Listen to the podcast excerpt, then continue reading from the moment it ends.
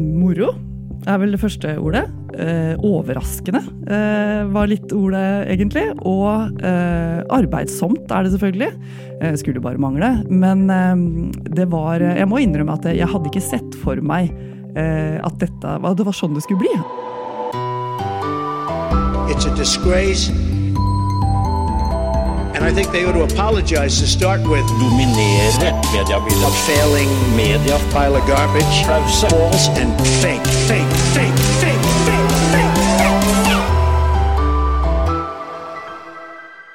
Hei og velkommen til en ny episode av Pressepodden. Mitt navn er Jan Magnus Weiber Ørdal, og dagens gjest er politisk redaktør i Nasjon, Anne Ekornholmen. Velkommen til Pressepodden, Anne. Tusen takk for det.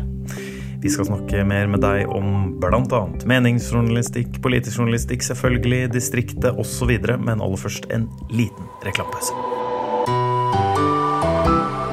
Stiftelsen Fritt Ord har lyst ut et halvårig stipend ved Universitetet i Oxford for norske journalister som vil studere og fordype seg i et tema. Søknadsfristen er 4. september. Les mer på frittord.no. Anne Ekornholmen, du ble politisk redaktør og eh, er profilert kommentator nå i Nasjonen har vært det siden 2020. Tre år. Da er det jo passende å spørre tre år etter hvorfor ville du bli politisk redaktør i Nasjonen? Ja, det er et veldig godt spørsmål. Eh, Jeg søkte jo på den jobben, oppdaga eh, annonsen og søkte på den da Norge blei nedstengt i våren eh, 2020. Og begynte i august 2020. Um, og jeg søkte rett og slett fordi jeg tenkte det, Du vet, det er noe når du ser en stillingsannonse, så tenker du bare ja, det kunne vært meg. Uh, sånn har jeg tenkt i tidligere jobber jeg har hatt òg. Bare sett en annonse og tenkt oi, den tror jeg må søke på. Uh, du kjenner liksom bare at dette her tror jeg passer. Um, og i dette tilfellet så uh, hadde jeg jobba i Hamar Arbeiderblad i over ni år. Mye lenger enn jeg hadde sett for meg, og trivdes kjempegodt. Både med folka og med jobben jeg hadde der. Eh, Der var jeg utviklingsredaktør og debattredaktør, og var innom jobben som kulturredaktør og litt potet. Men hadde vært der så lenge at man begynner å kjenne på at eh, ja, nå, nå ja, ikke sant? Og da ser man plutselig en eh, annonse. Så, um, og sånn har det egentlig vært litt i min karriere så langt. At den planen har blitt til mens jeg har lagt den, for å si det sånn. Så det har skjedd underveis. Mhm. Hvordan har eh, altså da du, inn I det svaret ditt der, du, du begynte jo da midt i en pandemi som Ja. fortsatt, som er jo bare et par år tilbake vi var i det, selvfølgelig. Eh, Da var det litt hjemmekontor i starten, vil jeg tro, da, men hvordan, var de, hvordan har de, disse tre årene vært? Ja, eh, intense, vil jeg si, på ulike måter. Eh, pandemien prega jo veldig starten av eh, denne nye jobben min. Eh, jeg fikk en liten oppstart på kontoret da i august 2020, og så var det rett hjem igjen. Og dere husker sikkert liksom jula, ikke sant? Og så kom man til en, og sommeren åpna litt opp, og så stengte det ned igjen. Og, så det var veldig mye hjemmekontor, og en veldig rar måte å bytte jobb på. Eh, Det gikk lang tid før jeg møtte alle fysisk i redaksjonen. Vi så hverandre på skjerm.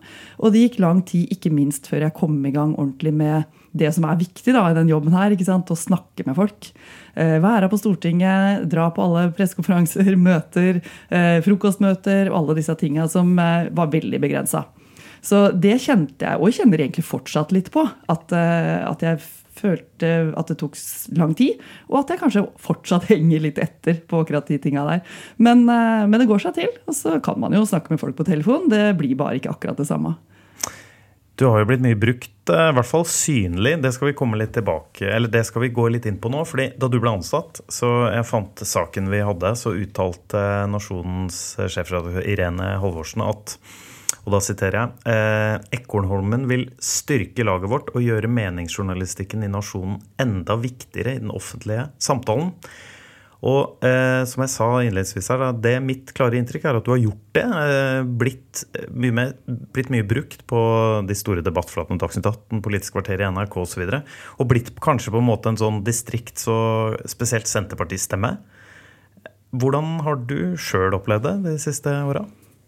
Eh, moro er vel det første ordet. Eh, overraskende eh, var litt ordet, egentlig. Og eh, arbeidsomt er det selvfølgelig. Eh, skulle bare mangle. Men eh, det var Jeg må innrømme at jeg hadde ikke sett for meg eh, at dette, det var sånn det skulle bli. At jeg skulle bli en sånn som eh, ja, dukka opp i andre studioer, som du sier. og og det var kanskje naivt av meg men, eh, å ikke liksom skjønne det. Men det er klart at eh, jeg har jobba i regionaviser eh, i ja, altfor lenge, holdt jeg på å si. eh, 23 år. eh, Og, og opplevd og jobba mye med meningsjournalistikk. Jobba mye med debatt. Jeg har skrevet ledere i over 20 år. eh, sånn at det er ikke det at det er noe nytt for meg, men det er klart det er forskjell på en regionavis og en riksavis. Og eh, Nasjonen er en riksavis. Den er riktignok liten, og det er en nisjeavis, men, eh, men vi dekker hele landet. Vi har abonnenter i 351 kommuner. Og da, da er vi jo selvfølgelig interessante når distrikt er vårt tema. Eh, og det har vi et eierskap til, og det har jeg et eh, engasjement for. Men, men hva, det overraska deg litt? altså det, det, Mange flere henvendelser rett og slett fra, fra andre medier og sånn som vil snakke med deg, få deg til å analysere osv.? Ja, eh, det har det vært. Og det har også selvfølgelig Jeg skal ikke ta æren for det sjøl, men jeg har også vært veldig sånn jeg har, For det første bestemte jeg meg for at det skal jeg si ja til. Eh, Særlig fordi at jeg mener dette er viktig. Det er en stemme som eh, folk trenger, for å si det sånn. En distriktsstemme. Og det betyr ikke at ikke folk i mediene har det fra før, eller har vært der tidligere. Altså, det er kjempeviktige stemmer, sånn som Tone Sofie Aglen har vært en distriktsstemme. eh, Og Skjalg Fjellheim er det fra nord. ikke sant? Vi har, flere av den typen kommentatorer. Og det trenger vi. Vi trenger flere av dem. Så, så jeg bestemte meg for at jeg skal si ja, så sant jeg fysisk får det til. Eh, Og igjen, da, i starten var det jo mye av det som foregikk hjemmefra. Så eh, hjemmekontoret mitt har jo vært eh, på TV stadig vekk. Med ulike bakgrunner. men men den, den måten å jobbe på da, syns jeg også er interessant. ikke sant? Jeg kan skrive om noe, en kommentar eller en leder, og bli holdt å si, kalt inn til et studio for å diskutere det. Eller det kan være at det skjer et eller annet politisk, som du sier, gjerne med Senterpartiet, da, som vi blir invitert for å analysere. Og så er det ikke alltid sånn at jeg Uh, jeg er ikke så komfortabel med å bli kalt for liksom Senterpartidama. uh, Eller at Nasjonen er en Senterpartiavis, fordi det rett og slett er feil. Uh, For det første så har vi ikke partipresse i dette landet. Og, og Senterpartiet er på ingen måte en del av nasjonens eiere. Så, men det som er sant, er at eh, som avis da, eh, for distriktene så har vi en del felles interesser med Senterpartiet. Vi vil at det skal være bosetting over hele landet. Vi er opptatt av landbruk. Vi er opptatt av distrikt og sentralisering. Og en del av de prosessene der. Da. Så, så på den måten så har vi eh, felles interesser med, med det grønne partiet. Mhm. Men ikke Senterparti-dama, da. Men, men at du det, det skal ikke Det er jeg enig i, det er jo ikke riktig å kalle det. Men at du er en Snakke om distriktsstemme eller en slags eh, politisk ekspert på Senterpartiet. da. Eh, stemmen som blir kalt inn for å på en måte gi et perspektiv på Senterpartiet, analysere nå. De har jo vært mye i mediene i de siste årene. Men at du er det blant eh, kommentarkorpset i Oslo, er det, det, er det en rolle du syns er grei, da?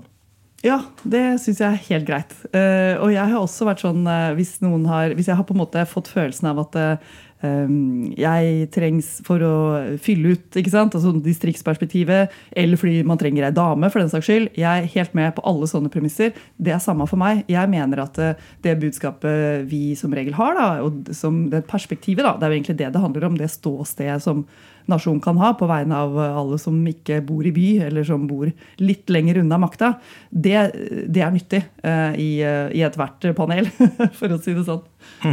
Og så ble Det jo, det er jo greit for litt kontekst her å si at uh, da du ble ansatt i Nasjon, så var jo det her midt i en periode med eh, voldsom vekst og med Senterpartiet, distriktsopprør, mm. og endte jo med i år 2021 at de kom i regjering, som det jo fortsatt er. Eh, når var det du skjønte at eh, det her kom til å ta litt eh, Eller du sa du ble overrasket, men når var det du skjønte at oi, det her var litt mer enn bare en oppringing på Dagsnytt 18 en Ja. gang i måneden, liksom? Ja, nei, det Ja, si det. Jeg veit ikke helt når jeg skjønte det, men det er klart, første gangen man er på, um, på Dagsnytt 18, så er det jo en overveldende opplevelse. Det må jeg bare innrømme. Eh, Med svette hender og, og sånn. Men så har jeg, um, har jeg jo på en måte også det i meg at jeg syns det er litt jeg, jeg syns det er gøy, da. Eh, jeg syns det er interessant, selvfølgelig, politisk. eh, og det er mye lettere å kunne komme i et studio og snakke om noe man faktisk er opptatt av. Altså, det, er, eh, det er politiske saker som jeg mener er viktig for Distrikts-Norge. Eh, enten det er Senterpartiet eller andre partier som fronter det. Eh, og det er eh, å forsøke å på en måte sette ting i sammenheng da, eh, for, for vanlige folk, i den grad det er mulig. Og også ikke minst prøve å bidra til at folk kan gjøre seg opp sin egen mening. Det er jo ikke nødvendigvis sånn at min mening skal være det viktigste, eller skal være det jeg prøver å overbevise alle om, men, men at man klarer å bringe inn noen synspunkter og noen ståsteder som gjør at folk sjøl kan finne ut hvor, hvor det mener landet ligger. Ja, fordi det er interessant du sier det. For det å, man, dere får jo en litt sånn pedagogisk rolle også. Når man er politisk kommentator eller eh, redaktør og skal, og skal forklare. Og, og jeg veit jo hvordan disse debattredaksjonene jobber. eh, Eller eh, altså f.eks. Dagsnytt 18 eller andre store debattflater som når de booker inn gjester, så Det er jo en grunn til at dere blir booka tilbake. Fordi Ja. det fungerer, og de får gode tilbakemeldinger. og det er, ikke sant? Og det har jo du blitt eh, flere ganger. Eh, figurerer jo høyt og på Dagsnytt 18-listene og eh, spesielt. da. Det er vel en liten sånn Da gjør du jo noe riktig. Ja, takk. Det får jeg jo håpe. Det er jo som du sier, at hvis det ikke funka i det hele tatt, så hadde de vel ikke giddet å ringe igjen. Så det må jeg bare stole på. Eh, Og så er det klart at det, det er jo en Én ting er å bli eh, henta inn i debattstudio som politiker og som debattant. Og så er det som du sier, eh, vi som da kommer etterpå og skal kommentere, vi har jo en mye friere rolle. Eh, og det er jo ikke vi som blir kommet dit for å bli grilla, på en måte. Vi kommer jo dit for å prøve å ja, eh, forklare og sette det i sammenheng. Og, og eh, kanskje avsløre tull og tøys eller eh, forsøk på juks. Eller, altså, ikke sant? Prøve å på en måte forklare hva var det de egentlig sa nå. Eh, og det kan være ganske krevende. Og jeg er jo fortsatt, selv om jeg har gjort det noen ganger nå, fortsatt eh, svett i hendene og, og sånn. Men, men man blir jo komfortabel eh, etter hvert. Og så er jo det å komme til NRK er jo veldig hyggelig. Og veldig, de er veldig flinke til å ta deg imot, eh, forberede deg og sånn. Så, så det har vært bare gode opplevelser, egentlig. Merker du noe på flere tilbakemeldinger og Eller kjendisstatusen i andedammen, da, vi skal kalle det det. Men eh, jeg regner med du får litt flere leserhenvendelser nå enn det du fikk da du jobba i HA?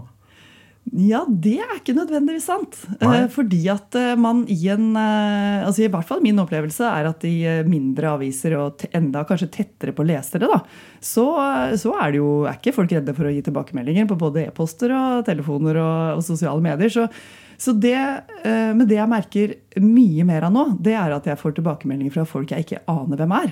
Eh, Det er mer eh, ja, rett og slett ukjente folk da, som vil bli venn med meg på Facebook eller, eller ta kontakt. Da. Veldig veldig lite ubehagelige ting, det skal jeg si, og det er jo veldig bra. Men, men folk som har tilbakemeldinger, kritikk eller, eller ros. Så det kommer. Men, og så er det jo selvfølgelig sånn ikke sant, at i starten så var det sånn hurra og heiameldinger fra veldig mange kjentfolk. Det, det er det ikke så mye av nå lenger. Nå er det mer sånn Å ja, var du der? Ja, nei, det fikk jeg ikke med meg. Du får ikke sånn tommel opp og smilefjes fra familien nå? 'Jeg så det på Dagsnytt 18'. Ja. Ja, Nå er det nesten bare mamma som Ja. kommer med tommelen opp. Ja, men Det er godt å høre. Mødre vil jo alltid gjøre det. Det, Ja. det, det gjør min egen mor også. Det, nå er ikke jeg på Dagsnytt så mye, men sånn 'Jeg leste saken din', og sånn, Ja. sier hun fortsatt sånn 'Ja, jeg har vært journalist i over 20 år nå, du trenger ikke å fortelle det hver Ja, gang'. men Det er veldig hyggelig, da. Ja, det Å er få tilbakemelding på jobben er jo veldig viktig. Ja da, Ja. absolutt. Stiftelsen Fritt Ord har lyst ut et halvårig stipend ved universitetet i Oxford for norske journalister som vil studere og fordype seg i et tema. Søknadsfristen er 4. september. Les mer på frittord.no. Vi har jo kalt deg distriktsstemme, eh, og det er jo litt eh, sentralt her. fordi du bor jo ikke i Oslo. Eh, Du jobber i Oslo, nasjonen ligger jo midt i sentrum. Men du er jo fra det mye omtalte distriktet, da, en liten time nord for, for Oslo, ikke sant? Ved Mjøsa. Feiring. Ja. Hva gir det deg som, som redaktør og kommentator, tenker du? Det eh, Ja, først og fremst så gir det meg pendlertid. Det er kanskje ikke så positivt. Nei, altså på godt og vondt. Det, er, det kan være godt å rense huet litt eh, på vei hjem, ikke minst. Unnskyld.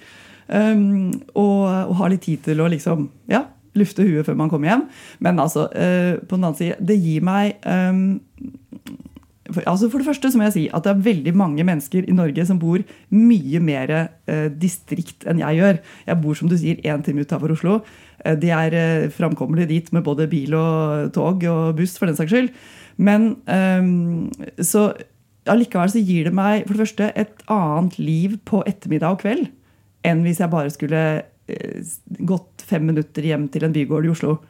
Eh, Jeg bor med veldig veldig mye plass rundt meg. Med eh, strandlinje mot Mjøsa og plen og jorder og eh, skau. Eh, en altfor stor låve som er tom og trenger vedlikehold. Eh, men eh, det gir meg ja, Og ei lita bygd med 1000 innbyggere. Så eh, det gir meg eh, innsikt i altså Jeg veit veldig godt hva det betyr å ikke ha et kollektivtilbud. Ikke noe annet enn skolebussen om morgenen og ettermiddagen. Eh, jeg veit veldig godt eh, hva det betyr at eh, barne- og ungdomsskolen er nedleggingstrua på hvert eneste kommunebudsjett. Og hva bygda må gjøre for å slåss for å beholde den. Og jeg veit hva det betyr å stable stoler og bord på forsamlingslokalet hvis noe skal skje, og at foreldre må drive fritidsklubben, eller så er det ingen fritidsklubb. Så veldig mange sånne ting som veldig mange nordmenn lever i og opplever. da. Og eh, det som jeg ser en stor verdi i.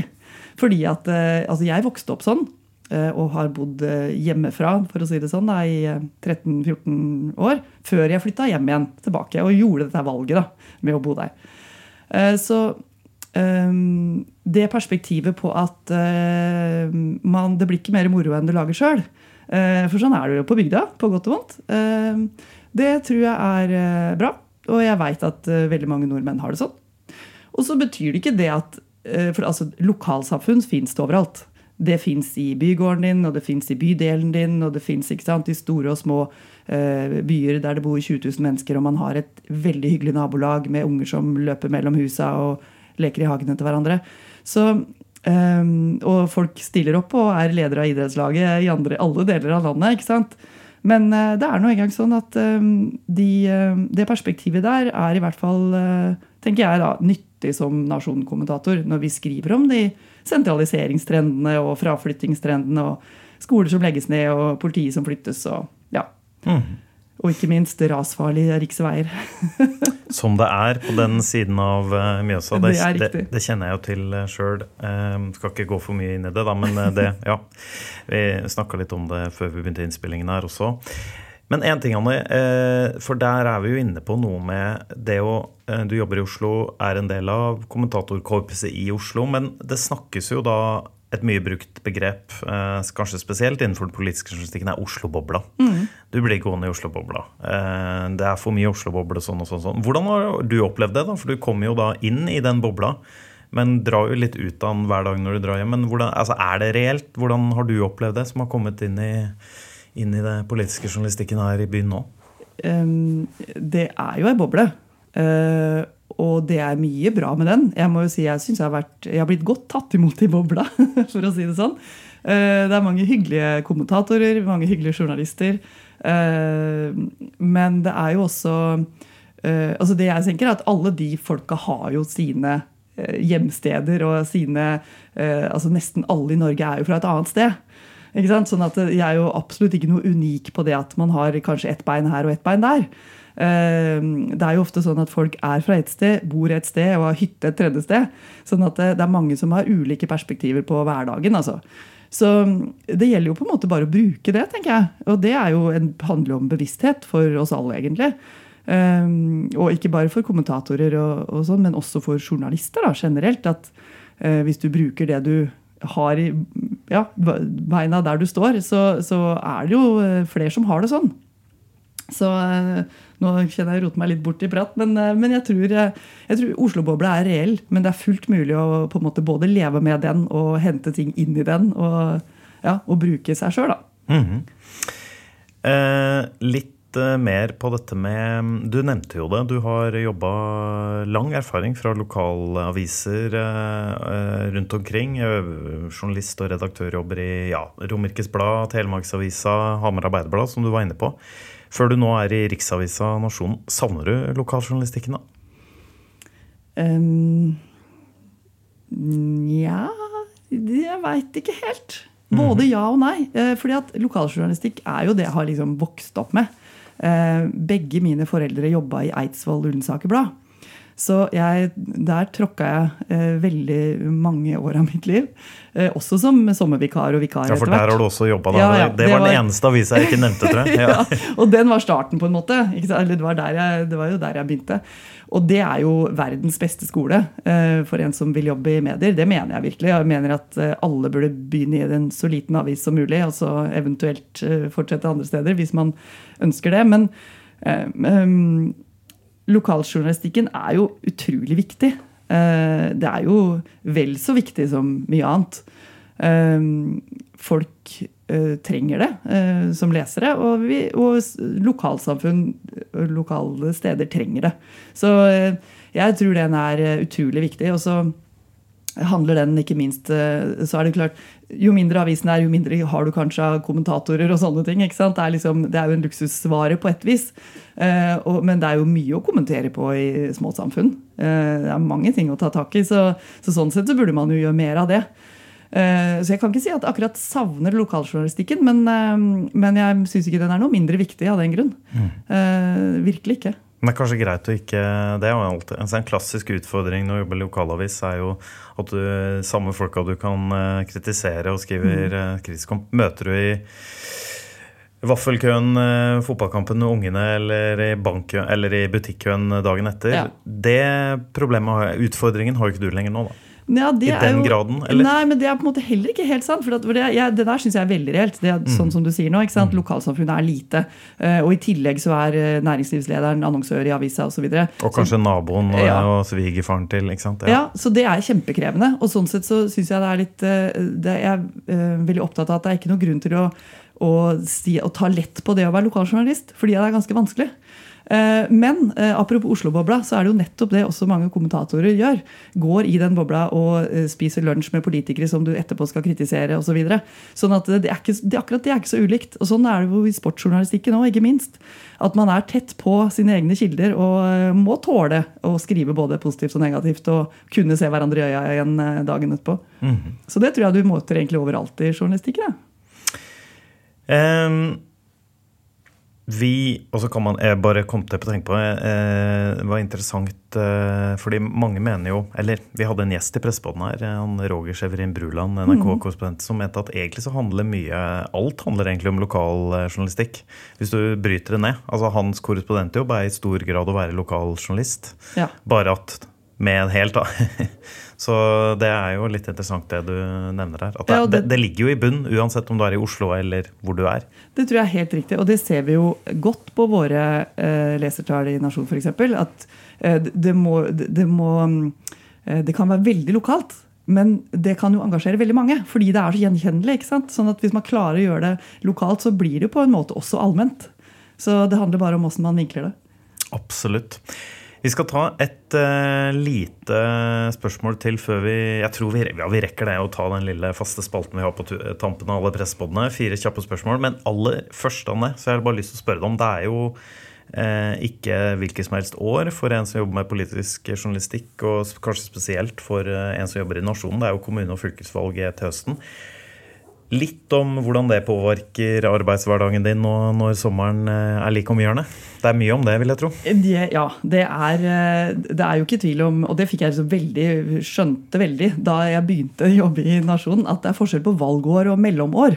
Eh, Det er det ingen tvil om. eh, I både liksom intensitet og hva er det man diskuterer, og hvor viktig er de politiske sakene. ikke sant? Eh, Jeg har ikke sett det fra denne sida før. Altså, Jeg har jo dekt valg tidligere. Vi hadde jo direktesendinger på valgnatta på live på, i HA f.eks., som jeg var med å lede. Vi hadde eh, live debatter i biblioteket og store folkemøter og paneler osv. Så, videre. så det er ikke ukjent for meg, det. altså. Men, men den liksom opplevelsen av at det er stor forskjell da, på, på de valgåra og ikke. Eh, Så nå er det mye. Det har jo vært eh, landsmøte vår eh, med eh, partiene, og eh, det er jo gøy. Interessant. eh, Krevende. Eh, Og så, mm, så er det jo mye som skal liksom skje akkurat nå før Stortinget eh, tar ferie. Og så braker det løs igjen etter sommeren. Eh, For det blir jo litt stille i sommer. Men eh, med Arendalsuka selvfølgelig og sånne ting, så, så eh, ligger det an til en hektisk høst der jeg liksom har planlagt en ørliten sånn langhelg ut i- litt ut i september. Som Etter, skal- etter valget, etter Etter valget. Ja, ja, ja. Du, okay. Men du får litt ferie i sommer, da, håper jeg. Ja da, ja da. Det er ingen fare med det. Ehm, ok, Janne. Da tar vi de fire kjappe spørsmålene som vi pleier. Lar det være avslutningen her nå på denne pressepodden. Er du klar? Jeg er klar. Får du med deg mest nyheter på TV, radio, nett eller papir? Eh, Radio er også lyd, da. Altså podkast, Ja. radio. Eh, Det er nett og radio. Hva slags journalistikk er det som provoserer deg mest? Det er egentlig eh, journalistikk med dårlig språk. Jeg, blir, eh, jeg har lurt på om jeg har blitt sånn eh, gammel eh, språkkjerring, eller om jeg bare er liksom hva det er. Men jeg, jeg blir så irritert på sånn eh, ordtak som slås sammen ikke sant, i to. Eller sånn eh, Jeg hadde et eksempel her en dag om at ei, ei som svarte med samme lut. Og da kjenner jeg at jeg, jeg er ikke med på det. Eh, så den, det provoserer meg, og det er så lite gjennomtenkt. Og hvis det er gjennomtenkt, så tenker jeg at det funker ikke. Dessverre. Eller hva var det den der Jeg bøyer meg i hatten, eller hva Ja. det var sånne Men det ble jo en humoristisk. Ja men da, jeg, er ja for øvrig helt enig med deg. Jeg så en gang eh, hoppe etter bekken Hva var det? Hoppe, hoppe over bekken etter spilt melk. Det var liksom helt sånn Ja, ok. Jeg kjenner meg igjen. Nå skal ikke jeg begynne å svare på det, men, eh, men eh, dårlig språk i saker. Ja. Eh, ok. Hva er de beste egenskapene en journalist kan ha, som du ser det? Man kommer jo ikke utenom å eh, kunne snakke godt med folk. Eh, det, og det kan ligge mye i akkurat det, altså, men, men eh, det er jo på en måte både topp og bunn for å få til noe godt.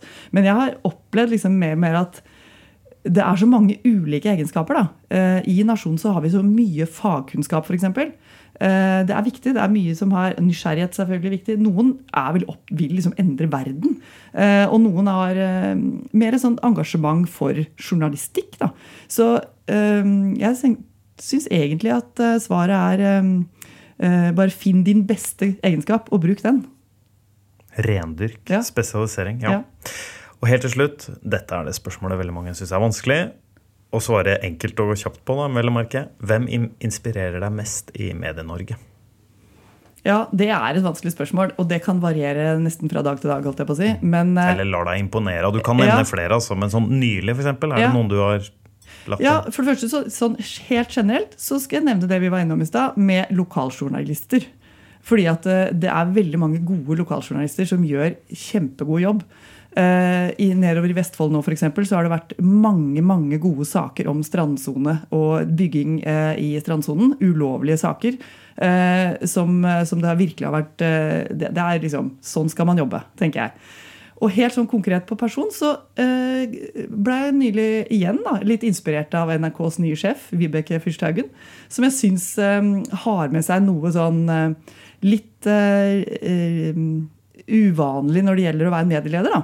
Hun har vært sånn veldig sånn tydelig på at uh, hun ikke trodde hun skulle inn i en sånn stilling, og veldig ydmyk. og, og eh, sier at eh, ja, eh, dere så meg på skjermen, og da så alle hvor ukomfortabel jeg var.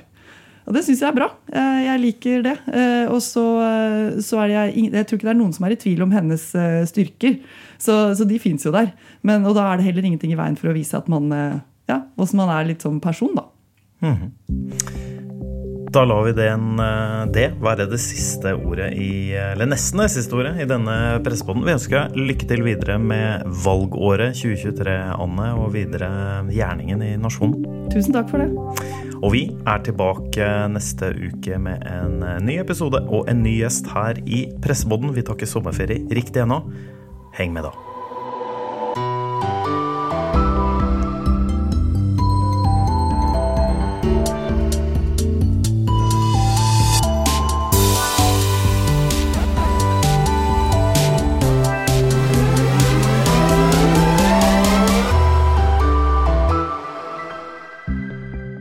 Stiftelsen Fritt Ord har lyst ut et halvårig stipend ved universitetet i Oxford for norske journalister som vil studere og fordype seg i et tema. Søknadsfristen er 4. september. Les mer på frittord.no.